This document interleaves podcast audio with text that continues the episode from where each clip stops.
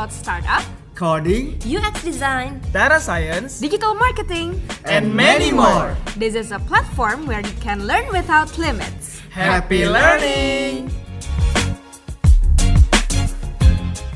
Halo generasi pintar digital, kembali lagi di Purwadika Podcast. Nah hari ini bersama aku Bunga sebagai host dari Purwadika Podcast dan hari ini kita sudah kedatangan nih salah satu lecture UI UX Design dari Purwadika yaitu Kak Firas. Halo, Kak Firas. Halo. Nah teman-teman hari ini kita akan membahas nih prediksi karir UI UX Designer di tahun 2022. Pastinya sangat menarik banget kan Kak pembahasan kita pada hari ini. Yes, pasti dong. Dan mungkin kita buka dulu dengan pertanyaan, sebenarnya UI UX design itu apa sih kak? Oke, ini pertanyaan selalu ya. Iya, mungkin kan ada orang yang masih belum mengerti apa ini UI UX design. Kayaknya pasti masih ada Iya. sih, terutama orang-orang yang mungkin baru mendiscover industri digital Iya, gitu ya. benar. Mungkin sedikit awam, mungkin familiarnya dengan graphic designer. Iya, karena benar, sering banget designer, ditemuin iya, iya. ketika ngomongin UI UX. Ini apa nih? Pasti bertanya. Sebenarnya kan asal muasalnya dulu kan disebutnya web designer. Cuman akhirnya berubah jadi UI UX designer. Karena sekarang kan kalau misalnya kita ngomongin produk digital nih, udah nggak ngomongin lagi, oh ngebuat web, udah gitu aja nggak kan. Ada experience di situ sehingga orang tuh mau pakai terus websitenya atau aplikasinya. Makanya disebutnya UI UX design. UI-nya itu user interface. Masih Oke. stay dengan asal Iya. muasalnya nih website design kan. Emang desainer uh, untuk tampilan kasarnya, makanya disebutnya user interface. Dan satu lagi UX-nya yang jadikan ini salah satu pekerjaan yang lumayan berat di psychological gitu. Jadi banyak orang yang merasa bahwa UI UX designer atau banyak teori yang bilang itu setengah designer tapi setengah juga psikologik gitu. Jadi banget banyak banget head-head design yang basicnya psikologi gitu. Karena kalau ngomongin UX ngomongin apa nih yang kamu rasain ketika kamu nge-explore atau nyobain satu aplikasi atau website. Kurang lebih kayak gitu sih. Oke, menarik banget. Tapi benar juga sih, aku sering dengar kayak orang-orang dari background UI UX design, mereka Hmm. tuh ngomong kalau misalnya UI UX design ini berhubungan juga dengan manusia. Yes. Yang tadi yang Kak Firas bilang sendiri kan, Hmm, berhubungan dengan psikologi. Di podcast kita hari ini kita kan akan bahas tentang karir nih. Hmm. Nah, mungkin teman-teman di luar sana kayak banyak yang bingung sebenarnya dalam dunia UI UX ini role-nya ada apa aja sih, Kak? Oke, eh, pertama UI UX design tuh lumayan unik ya dibanding misalnya kita kalau ngomongin desain graphic designer gitu. Graphic designer mungkin dari awal eh, polanya nggak satu tuh. Ada graphic designer, ada copywriter, misalnya marketing itu kalau dunia Oke. marketing ya. Kalau kita ngomongin UI UX designer di awalnya tuh cabangnya lumayan banyak. Ada mungkin yang paling pertama UI UX designer dulu yang full stack, terus product designer, terus berlanjut ke UI designer gitu. Memang designer yang fokusnya di UI aja. Ada juga UX designer, lalu ada UX writer juga yang kerjanya Oke. dia memerhatikan kata-kata yang kamu lihat di website atau aplikasi Lebih gitu. memudahkan kata-katanya biar Yes. mudah dimengerti ya. Itu Dan tugasnya. nanti juga ada yang membantu si UX designer right nih. Namanya UX researcher juga. Dia yang Oh, nge-research tuh. research, Ya iya. kan kira-kira nih desain yang udah dibuat, aplikasi yang udah dibuat udah works apa belum nih. Namanya UX researcher. Dan sebenarnya masih banyak lagi sih sekarang terutama sekarang kayaknya perkembangannya jauh lebih banyak gitu kayak Akan muncul lebih Ah, ah, baru ada lagi ya. interaction designer profesi. kita baru Oke. temuin lalu juga ada juga yang lain seperti UI illustrator sekarang juga udah mulai banyak yang kerjanya untuk ngedesain kayak loading. Kamu ngeliat kan ilustrasi lucu-lucu Iya, kan iya, lucu-lucu, sekarang iya. jadinya usernya nggak bete gitu ketika nunggu. Nah ketika naik baru tuh eh, rata-rata strata itu ada level seniornya. Gitu. Setelah jadi senior baru biasanya ada UI UX manager atau bisa sampai lead design dan juga head principal.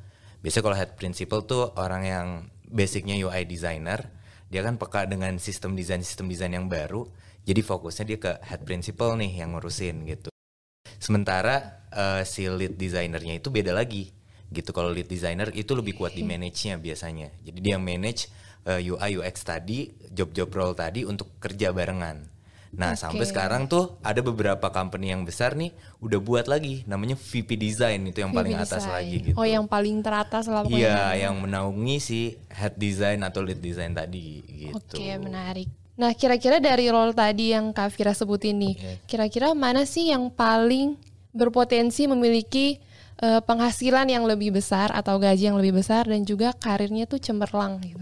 Oke, start dari mulainya ya. Iya, Berarti waktu juniornya mungkin teman-teman jadi mikir, nih mending kita ngambil UX, UI designer atau full stack. sepengalaman aku ya, se aku bertemu juga dengan praktisi-praktisi, kebanyakan mereka mulai dari UI UX designer full stack atau product Oke. designer lah, kadang-kadang juga ada yang bilang seperti itu. Gitu kenapa? Sebenarnya alasannya karena eh, jenjang karirnya lebih bagus karena sense ownership produknya lebih kuat. Kalau kita ngomongin UI designer, dia dia fokus di UI-nya aja gitu. Kalau UX designer mungkin information arsitekturnya dan segala macam. Kalau UI UX kan berarti memang kita yang ngedesain semuanya Ngedesain, nih. iya. Ya, emang kerjanya lebih berat gitu di awal, tapi dalam artian mereka tahu nih produk-produknya seperti apa dan itu impactnya ke portofolio. Jadi untuk mereka untuk naik level lebih mudah Lebih mudah biasanya ya. dan Karena juga udah ada pengalaman di kedua itu ya. Ya betul banget dan juga yang paling penting adalah ketika mau naik jadi manajer, dia memang nggak sehebat UI designer nih Iya. atau UX designer atau UX researcher, tapi dia tahu nih salahnya dia. Oke. Oh ini sebenarnya bisa lebih maksimal kalau kalau UI designernya bekerjanya kayak gini. Kalau UX researchernya datanya bisa dapatkan seperti ini. Jadi ketika dia jadi manajer dia tahu nih Dia untuk tahu ngedirect dia, iya, temen-temennya gimana gitu. Jadi kebanyakan yang aku temui startnya selalu full stack, gak menutup kemungkinan dalam artian gak tergantung dari company atau produknya ya. Even uh, maksudnya dari unicorn, startup yang baru, corporate kadang ataupun agency, selama memang mereka bekerja terus ada resultnya gitu. Pada akhirnya kan karya yang berbicara ya, maksudnya Iya, benar. hasilnya dia itu berimpact apa buat produknya gitu dan itu direpresentatifin akhirnya mereka akan naiknya jauh lebih cepat sih. Oke, jenjang karirnya naik-naik terus itu kembali ke diri mereka masing-masing ya. Ya, Kak? biasanya kayak gitu sih. Nah, kira-kira nih Kak, kita bahas soal gaji. Mm-mm. Kira-kira gaji di dunia UI UX designer itu berapa sih Kak? Mulai dari yang junior sampai yang senior. Kira-kira berapa tuh Kak? Oke, pertama mungkin ada beberapa UI UX designer, eh aku minta maaf nih kalau misalnya ada yang Oke, tersinggung oke. ya, tapi ada beberapa juga yang no background atau misalnya kalau sekarang mungkin UI UX designer, nah ini yang perlu teman-teman ketahuin, mungkin backgroundnya tidak menentu ya, lulusan apa aja, cuman identitas itu penting. Dalam artian kamu ikut seminar, kamu ikut workshop, bahkan ikut course atau bootcamp, itu kan ngasih identitas kamu ya. Dan sudah bisa dipastikan itu startnya beda biasanya. Gitu, yang Oke. bener-bener otodidak, aku pernah nemuin di 4,5 juta bahkan startnya. Tapi yang bootcamp selalu atau misalnya course yang udah punya maksudnya kasarnya kayak workshop atau seminar dia udah punya di LinkedIn kan bisa Iya. diupdate tuh. Dan kayak bekal dia untuk berkarir Yes, juga yes. ya. Biasanya minimal banget 6, 6 sampai 8. Oh. Itu baru mulai sih, baru mulai jadi UI UX designer. Dan gak lama sih sebenarnya dari junior untuk jadi full time dulu ya. Full time dulu baru senior. Full time itu biasanya dari 8 ke 10. Nah, naik ke senior tuh. Senior UX designer biasanya dari 10 sampai 15 Wow. ya kan 10 sampai 15 nah naik lagi biasanya UX manager tadi gitu ataupun VP lead gitu itu bisa 15 ke atas bahkan sampai VP kita pernah dengar terakhir 50 ke atas gitu Waduh. Itu lumayan besar banget sih Kak. iya lumayan. Karena eh, tanggung jawabnya juga Tanggung jawab besar, besar sebenarnya ya. iya. Semakin meningkat jenjang karirnya, tanggung jawab lebih besar, tapi gajinya, cuannya lebih gede juga. lebih oke pasti. Nah kak di dunia UI UX ini kan kayak karirnya tuh cepet naik, gajinya juga cepet naik. Nah kira-kira yang jadi penentunya itu apa sih kak? Nah kita menarik ya. Kayak love hate relationship ada tuh kalau UX designer ya. Itu ya produk yang kita desain sendiri biasanya Jadi Oke. walaupun tuh produk kadang bikin kita stres tuh ya Apalagi kalau misalnya uh, usernya banyak komplain biasanya kan Untuk journey-nya seperti apa enaknya di user. Tapi itu yang menentukan sebenarnya. Ketika ada growth, ada perkembangan di produknya Itu udah pasti langsung berimpact ke dianya. Dan banyak ya sekarang ada ada cara untuk stay ataupun kadang di hijack. Tapi biasanya lebih cepet kalau di hijack tuh ya kan apalagi kalau kompetitor udah denger nih nih produknya kok tiba-tiba jadi bagus nih growthnya lebih cepet nih. Ini siapa yang ngedesain nih? Siapa tim di belakangnya? Makanya di hijack startup di ditarik hijack ya. ditarik Iya, lagi iya. ditarik lagi kayak gitu sih. Bahkan mungkin rata-rataku yang tadi tuh bisa berubah tuh. Kalau misalnya dari kamu sendiri langsung bisa ngedesain dan growthnya cepet banget gitu. Oke berarti kayak juga ningkatin skill ya, mempertajam skill juga ya kak. Oke. Berarti nih kak eh, dari cerita kak Firas tadi, UI UX designer ini tuh demandnya yang tinggi atau memang masih kurang banget nih talentanya? talenta yang capable Oke. itu mungkin ya karena kalau kita ngomongin talenta talenta banyak banget ilmunya tuh mudah banget dipelajarin sebenarnya di internet misalnya kalau kamu mau nyari teorinya Cuman kan problemnya yang dibutuhin industri bukan itu aja, aja, iya, gitu kan. Logical thinkingnya juga bukan itu aja. Dan otomatis industri itu nyari kayak kamu punya kantor, kamu punya produk digital gitu, kamu nyari ya pekerja yang adaptasinya cepet dong, ataupun bisa ngasih progres yang baru atau inovasi yang baru.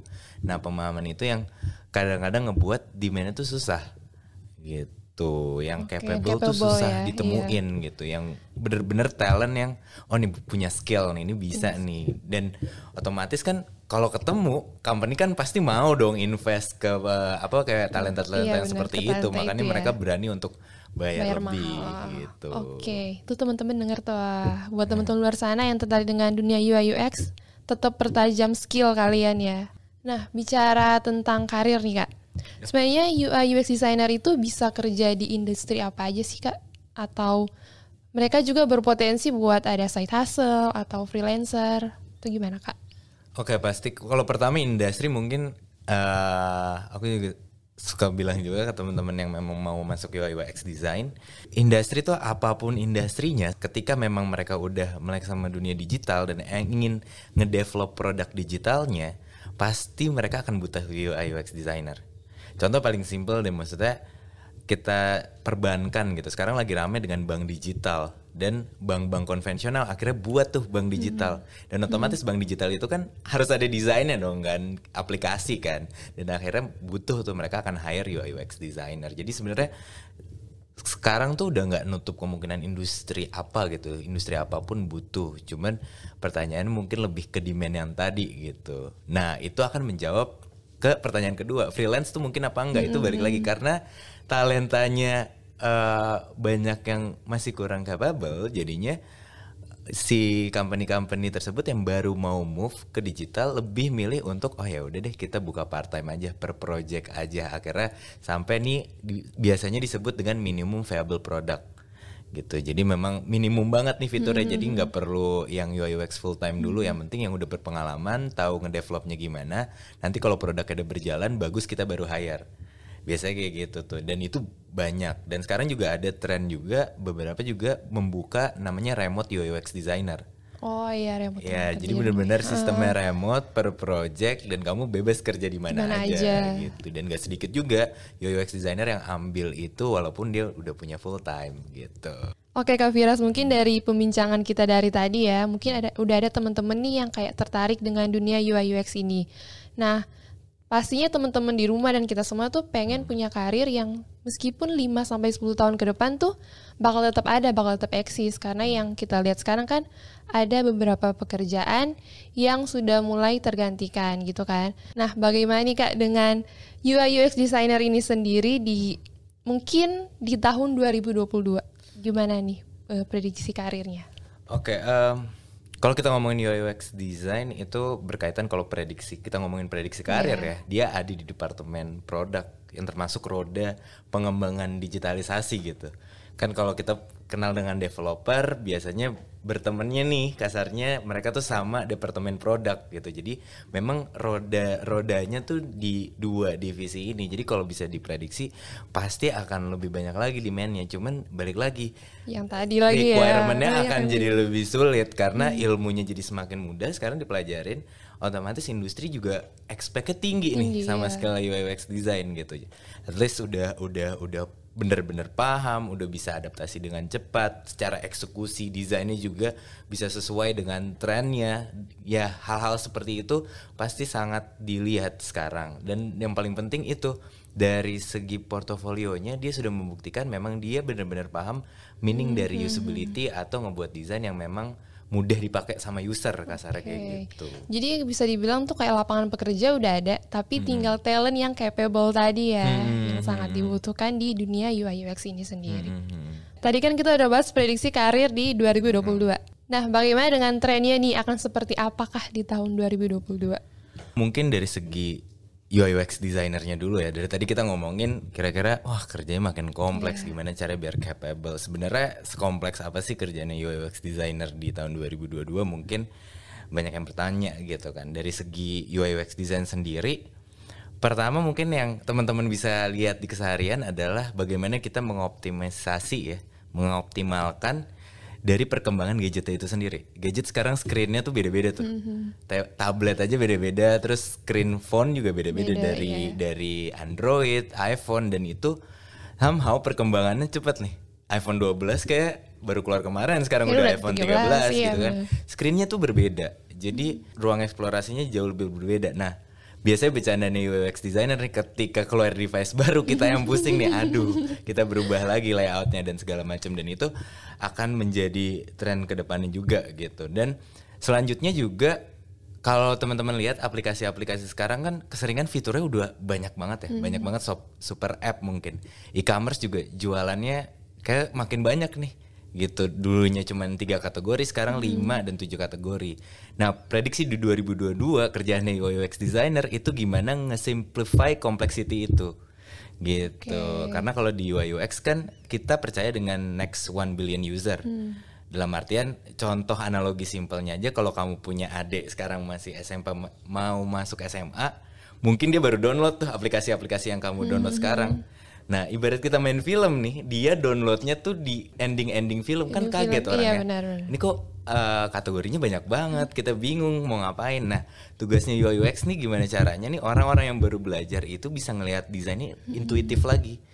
Rasanya tuh sama kayak kita baru pertama kali ngedownload aplikasinya. Sementara kebutuhannya di dalam tuh udah kompleks fiturnya. Jadi itu yang mungkin ngebuat 2022 nih eh, UI UX designer tuh pekerjaannya seru banget di situ gitu. Oke, jadi harus cepat beradaptasi juga ya dengan perubahan-perubahan yang ada. Yes, Oke. dan juga gimana caranya memerhatikan juga bahwa orang-orang nih nggak semuanya pinter nih. Iya. Ada sebagian orang yang baru belajar. Nah, gimana caranya kita nge- bisa ngebuat desain yang bisa di ngertiin juga sama orang yang baru belajar ini gitu.